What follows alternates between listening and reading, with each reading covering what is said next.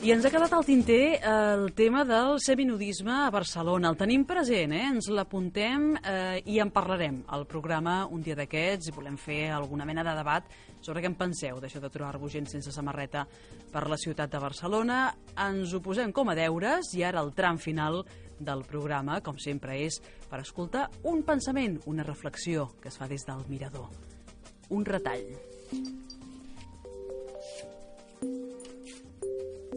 Retalls. Roser Amills, escriptora. Avui us explicaré una història barcelonina d'una parella que viu al costat de casa. La Cristina va néixer a Chicago, però com que gairebé tot l'any hi feia molt de fred, va començar a viatjar arreu del món. Ja fa molt que va passar per Barcelona i s'hi va quedar. Es va enamorar d'un músic de la terra moreno i simpàtic. Aquest músic, a més, era el fill del dissenyador Pete Sanz, autor d'una làmpada meravellosa en forma de medusa que donava nom a un restaurant. Aquest restaurant era l'escala a 5 metres del mar.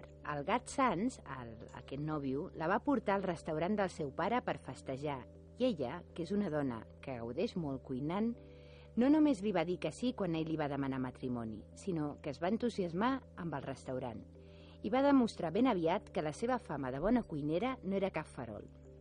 Així és com van començar a fer meravelles entre els fogons amb productes de mercat preferiblement ecològics. Té la seva gràcia que Chicago ve de la paraula nadiva chicauca, que es pot traduir com ceba de l'hort. Doncs bé, l'amor conjugal ben aviat va donar altres fruits i van tenir dues nenes. Amb elles, a l'escala només hi podien estar còmodes els mesos d'estiu i poc, així que van decidir tornar a Barcelona i deixar el restaurant, i es van instal·lar definitivament al barri de Gràcia.